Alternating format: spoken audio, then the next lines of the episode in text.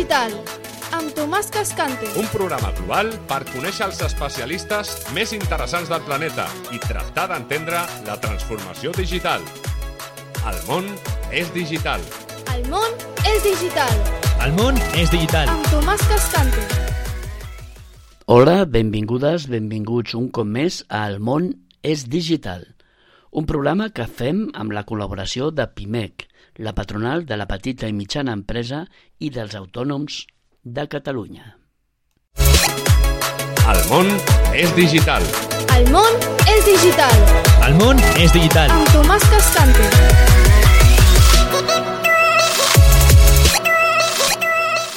Avui tenim un programa amb convidats. Moltes vegades tinc una sola entrevista, avui tinc tres protagonistes del programa. M'estic referint al Saúl Gordillo, periodista que no cal presentar, que avui col·labora amb nosaltres, el Ramon Palacio, enginyer de telecomunicació, i la tornada al nostre programa de la Marta Clua. El món és digital. El món és digital, El món és digital. amb Tomàs Cascante.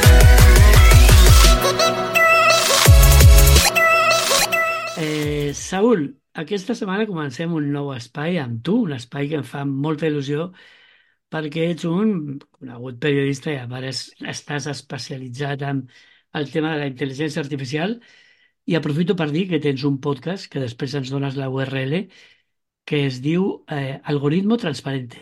Sí, algoritmo transparente. Fes-me uns 5 cèntims de què és Algoritmo Transparente.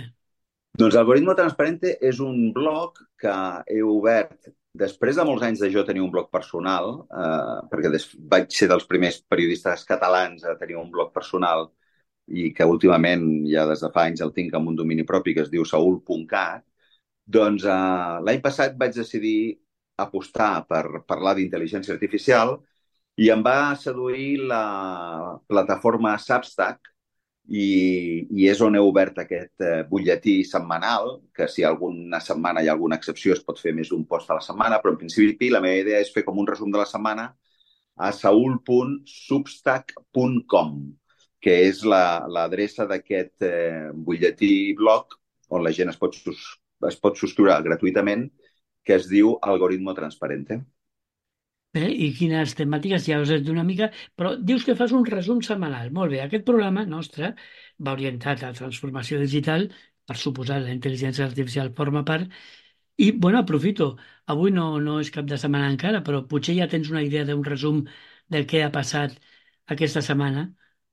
L'estic eh, apuntant. Aquesta setmana han passat coses interessants, com per exemple que eh, Google acaba d'anunciar avui que re, renombra, li canvia el nom a la seva intel·ligència artificial BART, li deixarà de dir BART i li dirà Gemini, llançarà una aplicació mòbil per a aquesta eh, intel·ligència artificial i, per tant, hi ha moviments importants dins de Google amb, amb la seva intel·ligència artificial. Eh, altres novetats és que tant eh, Meta com eh, OpenAI i Microsoft han anunciat eh, un compromís per eh, etiquetar les fotografies eh, generades o les imatges eh, generades amb intel·ligència artificial precisament per evitar la desinformació en un any en el que hi ha milions de ciutadans a tot el món que estan cridats a les urnes en diferents processos electorals, un d'ells als Estats Units. Hi ha una certa preocupació per la desinformació o pels deepfakes provocats amb la intel·ligència artificial. I tant la plataforma de Facebook i d'Instagram com OpenAI i Microsoft eh, aquests dies, aquesta setmana, han anunciat que faran una aposta per etiquetar les imatges amb unes marques d'aigua eh, que eh, identifiquin que han estat generades amb intel·ligència artificial i perquè no es puguin confondre amb imatges eh, reals. Bé, sí, sí, aquesta és una bona notícia, encara que he fet la, he fet la trampa, com sempre. Exacte. Ja, ja, es buscaran altres generadors o, o una intel·ligència artificial que trobi la marca d'aigua i la, i la anul·li. Però, però bé, d'entrada és una, una bona notícia. En quant a lo de Google i Bard i canvi de nom i Gemini, eh, com veus la, la, la competència en ChatGPT, eh, Google, tots els actors que ara estan fent intel·ligència artificial generativa, Mm, Com, com està el tema? Qui s'emportarà la història al final? Sí, Segons des de, la distan des de la distància i seguint una mica les notícies eh, des d'aquesta distància que ens separa, en aquesta Europa que peca per excés de regulació, però que no està jugant la partida i, per tant, tot això s'està dirimint entre Estats Units i la Xina, el que sembla és que hi ha un parell d'empreses que són les que han marcat la, la pauta aquest any passat, el 2023, que són OpenAI amb el xat GPT, i Microsoft, que amb aquesta aliança que va fer amb OpenAI, eh, ha integrat eh, la tecnologia de la intel·ligència artificial amb el Copilot. I d'alguna manera hem començat, o vam acabar l'any passat, amb aquest lideratge i amb aquesta cop d'autoritat de Microsoft, que ha tingut molt bons resultats, i eh, l'èxit d'aquesta eh, organització, en principi sense ànim de lucre, que és eh, OpenAI de, del xat GPT. El que passa és que eh, Zuckerberg, de Meta, acaba d'anunciar fa pocs dies que mm, està fent una aposta important per la intel·ligència artificial eh, general, que és com una doblar la- l'aposta. I caldrà veure això en què consisteix. Pel camí, eh, Meta, i per tant Zuckerberg amb Facebook i Instagram, està fent aquests gestos de responsabilitat, està fent gestos amb les eh, autoritats europees amb intentar complir eh, i adaptar eh, les seves plataformes a la, a la legislació europea, que és diferent de la, de la nord-americana. I, finalment, el que hem vist en els últims dies és que Apple, que estava com una mica fora de joc amb la batalla per la intel·ligència artificial, eh, ha anunciat que aquest any eh, desplegarà i ensenyarà les seves cartes i de moment en aquest inici de febrer el que acaba de fer és una cosa que no és estrictament intel·ligència artificial però que sí que és un llançament dels que poden fer història o de, dels que poden marcar una època que és el de les ulleres de realitat eh, virtual, que és les eh, Apple Vision Pro. I en aquest sentit, aquesta setmana també hi ha hagut notícies sobre això. No, no calia ser molt mm, tecnològic per eh, en qualsevol xarxa social coincidir i trobar-se eh, vídeos, imatges de gent, eh, bàsicament als Estats Units, que és on s'han eh, començat a vendre aquestes ulleres, eh, amb aquestes ulleres aparatoses eh, posades en situacions eh, que ara, avui, ens semblen sorprenents. Potser d'aquí un temps tots anirem pel carrer amb aquestes ulleres i ho trobarem la mar de normal, però eh, són aquells dies en els que tens la sensació que estàs davant de eh, mm, dies o moments possiblement històrics, perquè mm, la, la, les ulleres de- d'Apple de, de realitat virtual eh, tenen un hàndicap important, que és el preu, no són molt assumibles per la majoria de la població, valen 3.500 dòlars, eh, però podrien eh, marcar un, un, una fita igual que en el seu moment Apple ho va fer amb l'iPod o amb l'iPhone o amb l'iPad i, per tant, doncs, eh, si ha estat capaç de transformar i de marcar èpoques eh, i de canviar la manera de consumir de tota la població mundial gairebé, doncs eh, potser ara ens sembla una mica sorprenent, però potser ho aconsegueix. Hem llegit i hem vist moltes crítiques de les primeres impressions, eh, hi ha algunes eh, limitacions, eh, però també és cert que d'entrada eh, ofereix unes prestacions i una experiència que la majoria de mitjans que han publicat eh, crítiques d'experiències d'haver-les provat durant 24 hores són, eh, són positives. Potser hi ha una crítica de, de Verge que és una mica eh, profunda i, i contundent, que creu que les ulleres no tindran la mateixa capacitat eh, transformadora que va tenir, per exemple, l'iPhone i que l'actual CEO d'Apple vol tenir la seva quota de visionari, tipus Steve Jobs, però, però, però serà difícil que amb els preus i amb les limitacions que suposa aquest artefacte posat en el cap, a dia d'avui, doncs això sigui tan, tan, tan immediat. Sí, no, realment el del preu és molt limitatiu, molt limitant, però vaja, Apple, Apple, com tu has dit, mm, fa les coses bé i potser sí que aconsegueixi començar a implantar aquest tipus d'ulleres que potser dongui una altra vegada pas a una cosa que va, va sortir amb molta força, però últimament la tenim una mica oblidada, que és el metavers. Potser a Ah, sí. través de, de, de, de la realitat aquesta, doncs tornem a entrar en el metavers. Mm, Vull preguntar-te una altra cosa. Mm, Fa molt poc va ser a l'ICE, al, aquí a Barcelona, i ara, abans de fi de mes, tenim el Mobile World Congress. No sé si vas assistir a l'ICE o, o, o tens notícia. Què, què creus que va haver-hi destacat o què veurem al mobile aquest any que la IA eh, for, formarà part, suposo que, que, que mm, segura, segura i, i que tindrà molta presència al mobile, no? Per ser honest, haig de dir que no, no hi vaig ser físicament a l'ICE, però que vaig eh, seguir totes les informacions i publicacions que van aparèixer en els mitjans. Eh, em fa molt la impressió de que estem en una fase en la que mm, eh, són molt les pantalles no? I, i els aspectes més eh, eh, físics de la tecnologia, més que no pas eh, la integració encara de la intel·ligència artificial. Potser l'ICE i el mobile de les intel·ligències artificials seran les properes edicions, però és obvi que s'estan posant les bases.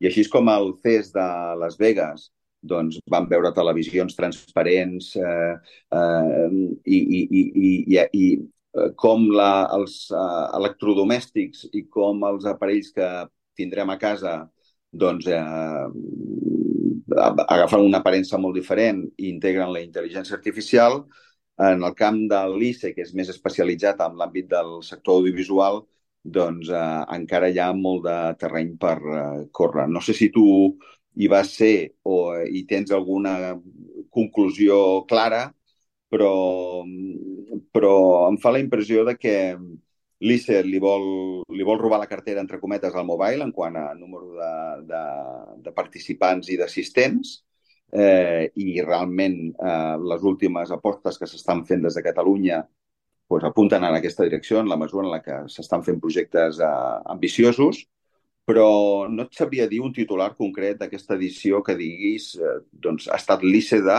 no sé què. No, no t'ho podria resumir més enllà de les grans, plan de les grans pantalles. Bé, ha sigut l'ICE de, de, de, que realment ha despegat i que realment comença a fer-li competència al mobile.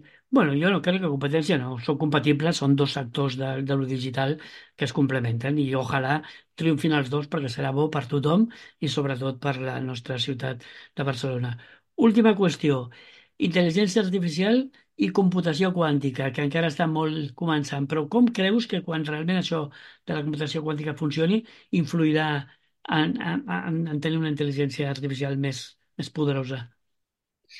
Bé, jo crec que el que està demanant precisament Sam Altman d'OpenAI és que calen infraestructures i que calen eh, molts centres de supercomputació i que potser la intel·ligència artificial ara el que estem veient és eh, també l'energia que gasta i la, les necessitats que representa infraestructura i que, el que, cal, el que cal veure és si es poden eh, conjuminar i si es pot i si aquesta fusió que tu apuntes pot ser la manera de, de fer el gran salt de la intel·ligència artificial i d'avançar moltes de les etapes que ara ens semblen que serà d'aquí uns anys i que potser s'acceleren. No? Eh, I tornant una mica al principi, eh, estem en un punt de la intel·ligència artificial on es comencen a adoptar mesures que potser són maquillatge, perquè això de l'etiquetatge de les imatges en marques d'aigua és com fer gestos de responsabilitat, però és eh, posar portes al camp, eh, i estem en el punt aquest de que caldran molts centres de supercomputació eh, per, per poder entrenar i per poder desenvolupar aquests models. Bé, Saúl, eh, no t'entretenc més avui, simplement m'agradaria convidar-te a que cada setmana, imagina el que et demano, ens concedeixis una entrevista com la d'avui perquè ha estat molt, molt clarificadora i crec que als nostres oients doncs, eh, els hi estava fent falta un espai com aquest. Eh, en definitiva, et convido a que, si pots, bonament, cada setmana ens concedeixis uns minutets per posar-nos al dia sobre el teu punt de vista sobre la intel·ligència artificial. Serà un plaer. Moltes gràcies per la invitació, Tomàs. Vinga, doncs fins la propera. A reveure, Saúl. Gràcies. El món és digital. El món és digital. El món és digital. Amb Tomàs Cascante.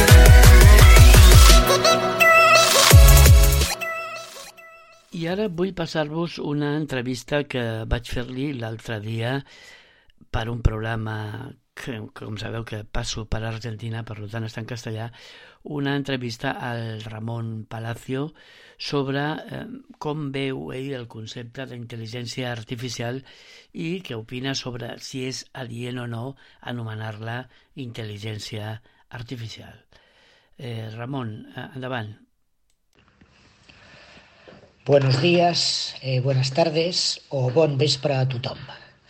Mi nombre es Ramón Palacio, ingeniero de telecomunicación. Cuando yo era adolescente, en la época brillante de la electrónica, apareció la informática y con ella aparecieron lo que en aquel momento se llamaron cerebros electrónicos. Hoy, 40 o 50 años después, tenemos la inteligencia artificial, que es la concreción de aquellos cerebros electrónicos. Pero aún así, eh, las dudas siguen abiertas. Llamar inteligencia a un software debido a que tome decisiones y haya aprendido solo, es el machine learning o el deep learning, es una temeridad. De hecho, todavía no sabemos qué es la inteligencia, ni si es exclusivamente humana o también animal, ni cuáles son todas las funciones cerebrales, ni siquiera si existen funciones inteligentes residentes fuera del cerebro ni tan solo si existe inteligencia colaborativa en animales que llamamos inferiores, como las ovejas, perdón, como las abejas o como las hormigas, o incluso si la actividad de las proteínas puede clasificarse de inteligente. Menos aún podemos llamar inteligencia artificial a unos programas que como muchos son algoritmos automáticos o self-algorithms. Son, por supuesto, avances destacados que pueden alterar significativamente nuestra manera de relacionarnos y la propia sociedad en la que vivimos, a nivel económico y a nivel político. Dado el grado de desarrollo actual de la inteligencia artificial, marcada por la erupción del chat GPT, que es una inteligencia generativa y conversacional, que genera diálogos contextualizados utilizando procesamiento de lenguaje natural y que genera textos coherentes con herramientas como Midjourney para creación de imágenes, Runaway para creación de vídeos y seguimiento por otros programas como Google Brand, UChat, ChatSonic, Bloom, Perplexity AI y los que vendrán. Vemos que los usuarios quedamos boquiabiertos y algo asustados y que las tres mayores preocupaciones que muestran los estados son las de siempre. La capacidad de la inteligencia artificial para generar propuestas falsas, la pérdida de privacidad de los usuarios y la trazabilidad de las fuentes, incluyendo la gestión, por supuesto, económica de los derechos de autor. Volvemos 20 años atrás. Las fake news, la privacidad y el mercado. Pero la actual inteligencia artificial es mucho más que eso. De hecho, las fake news, la invasión de la privacidad y la gestión de los derechos de autor son problemas antiguos, incluso analógicos, y en toda la algorítmica digital actual desempeñan un papel central. Enfocar la inteligencia artificial en estos tres temas es descontextualizarla, incluso diría sesgarla, el cambio fundamental que genera la inteligencia artificial es su autonomía y su no trazabilidad, es decir, su opacidad. El núcleo del debate debería ser a corto plazo la regulación de los actores, tanto públicos como empresariales o open source, que la desarrollan, la comercializan y la utilizan. Y especial énfasis en la responsabilidad, la ética, la transparencia y la trazabilidad de los programas de inteligencia artificial entendiendo que realmente inteligencia es algo más que análisis de datos, que toma de decisiones y que expresión, oral, escrita o visual. Y a largo plazo, y esto es lo que me preocupa a mí, el núcleo del debate debería estar en cuáles son los límites de la inteligencia artificial, en su computabilidad o no, en la computabilidad o no de la inteligencia biológica, e incluso si la nueva inteligencia del silicio, puede entenderse como una evolución, llamémosle natural o llamémosle humana, de la antigua inteligencia del carbono. Gràcies. El món és digital. Bé, i després d'aquesta interessant reflexió del Ramon Palacio sobre el, el concepte d'intel·ligència artificial, recuperem un espai que havíem tingut eh, sistemàticament aquest programa i que ara, com dic, recuperem, i ara no serà setmanal, serà quinzenal, m'estic referint al Talk Tech. El Talk Tech és un programa en el qual la Marta Clua ens presenta un llibre, una novel·la, generalment, amb la qual, dintre de la seva trama i més enllà del seu argument principal, doncs eh, hi ha un, un toc tecnològic o succeeix tot dintre d'un entorn tecnològic. Són llibres realment interessants i que tenen doncs, connexió amb, amb el món digital i, per tant, amb aquest programa. Bé, Marta, doncs benvinguda de nou al nostre programa. Espero tenir-te per aquí, bé, si més no, tal com hem dit, cada 15 dies i ara, doncs ja, sense més presentació, et donem pas perquè ens presentis el llibre que ens portes aquesta setmana. El món és digital. El món és digital. El món és digital. Amb Tomàs Cascante.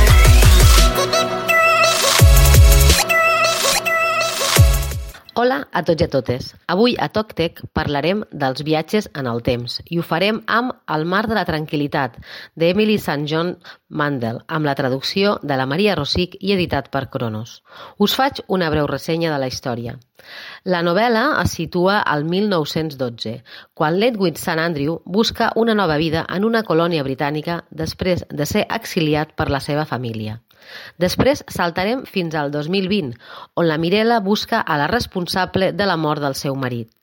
Tornarem a avançar fins al 2203, on l'Olive Lewis, autora d'èxit, viatja per la Terra promocionant la seva novel·la, que, encara que ella no ho sap, serà profètica. Finalment, arribarem al 2401, on la detectiu Casper Rijex Roberts rep l'encàrrec d'investigar una anomalia en el temps. Aviat descobrirà que les seves accions poden canviar el rumb de la història. Encara que al principi et puguin semblar històries sense relació, la melodia d'un violí tocada amb una terminal aeroespacial les farà connectar en una trama molt interessant i molt ben lligada. Quin seria el toc-tec de la nostra història? Doncs ens trobem davant d'una novel·la de ciència-ficció on els avenços tecnològics que hi trobem tenen un objectiu clar, endreçar el caos natural de la història. Però ja sabem que això sempre no és una bona idea. El mar de la tranquil·litat conté històries ubicades en moments del lloc i del temps ben diferents, però que s'emmarquen en temps pandèmics i amb un neguit cap a la volabilitat de l'existència. Cada història va deixant anar els fils sense aparent solució, però acaben conduint, o més aviat convergint, cap a un mateix punt en què tot cobra sentit. El mar de la tranquil·litat especula amb què passaria si en un determinat moment, i gràcies als avenços científics i tecnològics, poguéssim ordenar el caos natural de la història. Una novel·la de ciència-ficció amb un punt d'intriga molt interessant que et manté alerta en tot moment, de lo milloret que he llegit darrerament. Espero i desitjo que us agradi tant com a mi.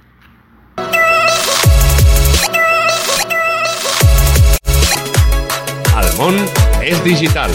El món Bé, i fins aquí el programa d'avui, un programa amb forces convidats. Hem tingut el Ramon Palacio, que ens ha explicat, ens ha parlat sobre si la intel·ligència artificial hauria anomenar-se així o d'una altra manera, a la incorporació al programa, que espero que sigui mm, setmanal d'en Saúl Gordillo, que ens ha posat una mica al dia sobre l'actualitat de les notícies del món digital i més concretament de la intel·ligència artificial i hem tingut també, com, com ja havíem tingut anteriorment, a la Marta Clua, que ens ha fet una magnífica presentació d'aquest llibre que realment us recomano que llegiu. I res més, eh, recordar-vos, com sempre, que si voleu fer qualsevol suggeriment o passar pel programa o ser entrevistats, o opinar sobre qualsevol tema d'aquest món digital, eh, podeu fer-ho adreçant-vos a nosaltres a través de l'adreça de correu hola arroba barcelonadot.com hola arroba barcelonadot.com Res més, fins la propera setmana.